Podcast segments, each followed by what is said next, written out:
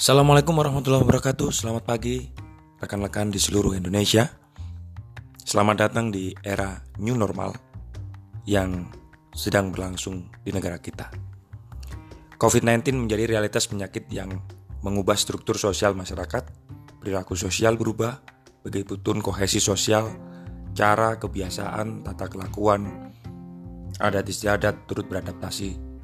Secara sosiologis, setidaknya pandemi COVID-19 terkonstruksi menjadi empat persepsi di masyarakat.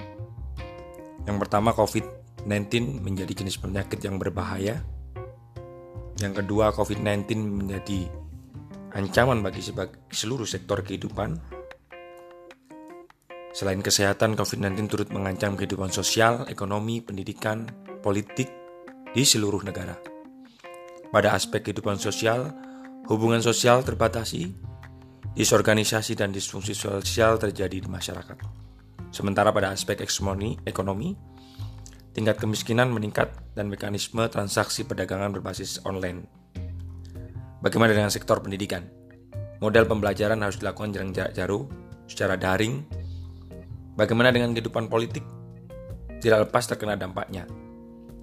Ego sektoral antara lembaga pemerintah dan politik menjadi suatu drama untuk meraih simpati masyarakat menjadi fenomena dalam konteks politik di tengah pandemi COVID-19. COVID-19 yang ketiga diyakini oleh beberapa pihak sebagai bentuk konspirasi global yang sengaja dibuat untuk menjadi sempurna untuk kepentingan kapitalis dan penjajahan model baru berbasis senjata biologis. Tapi semua pemikiran-pemikiran itu melepaskan kita dari yang paling utama, bagaimana sebuah perubahan sosial masyarakat harus diikuti dengan perubahan hukum.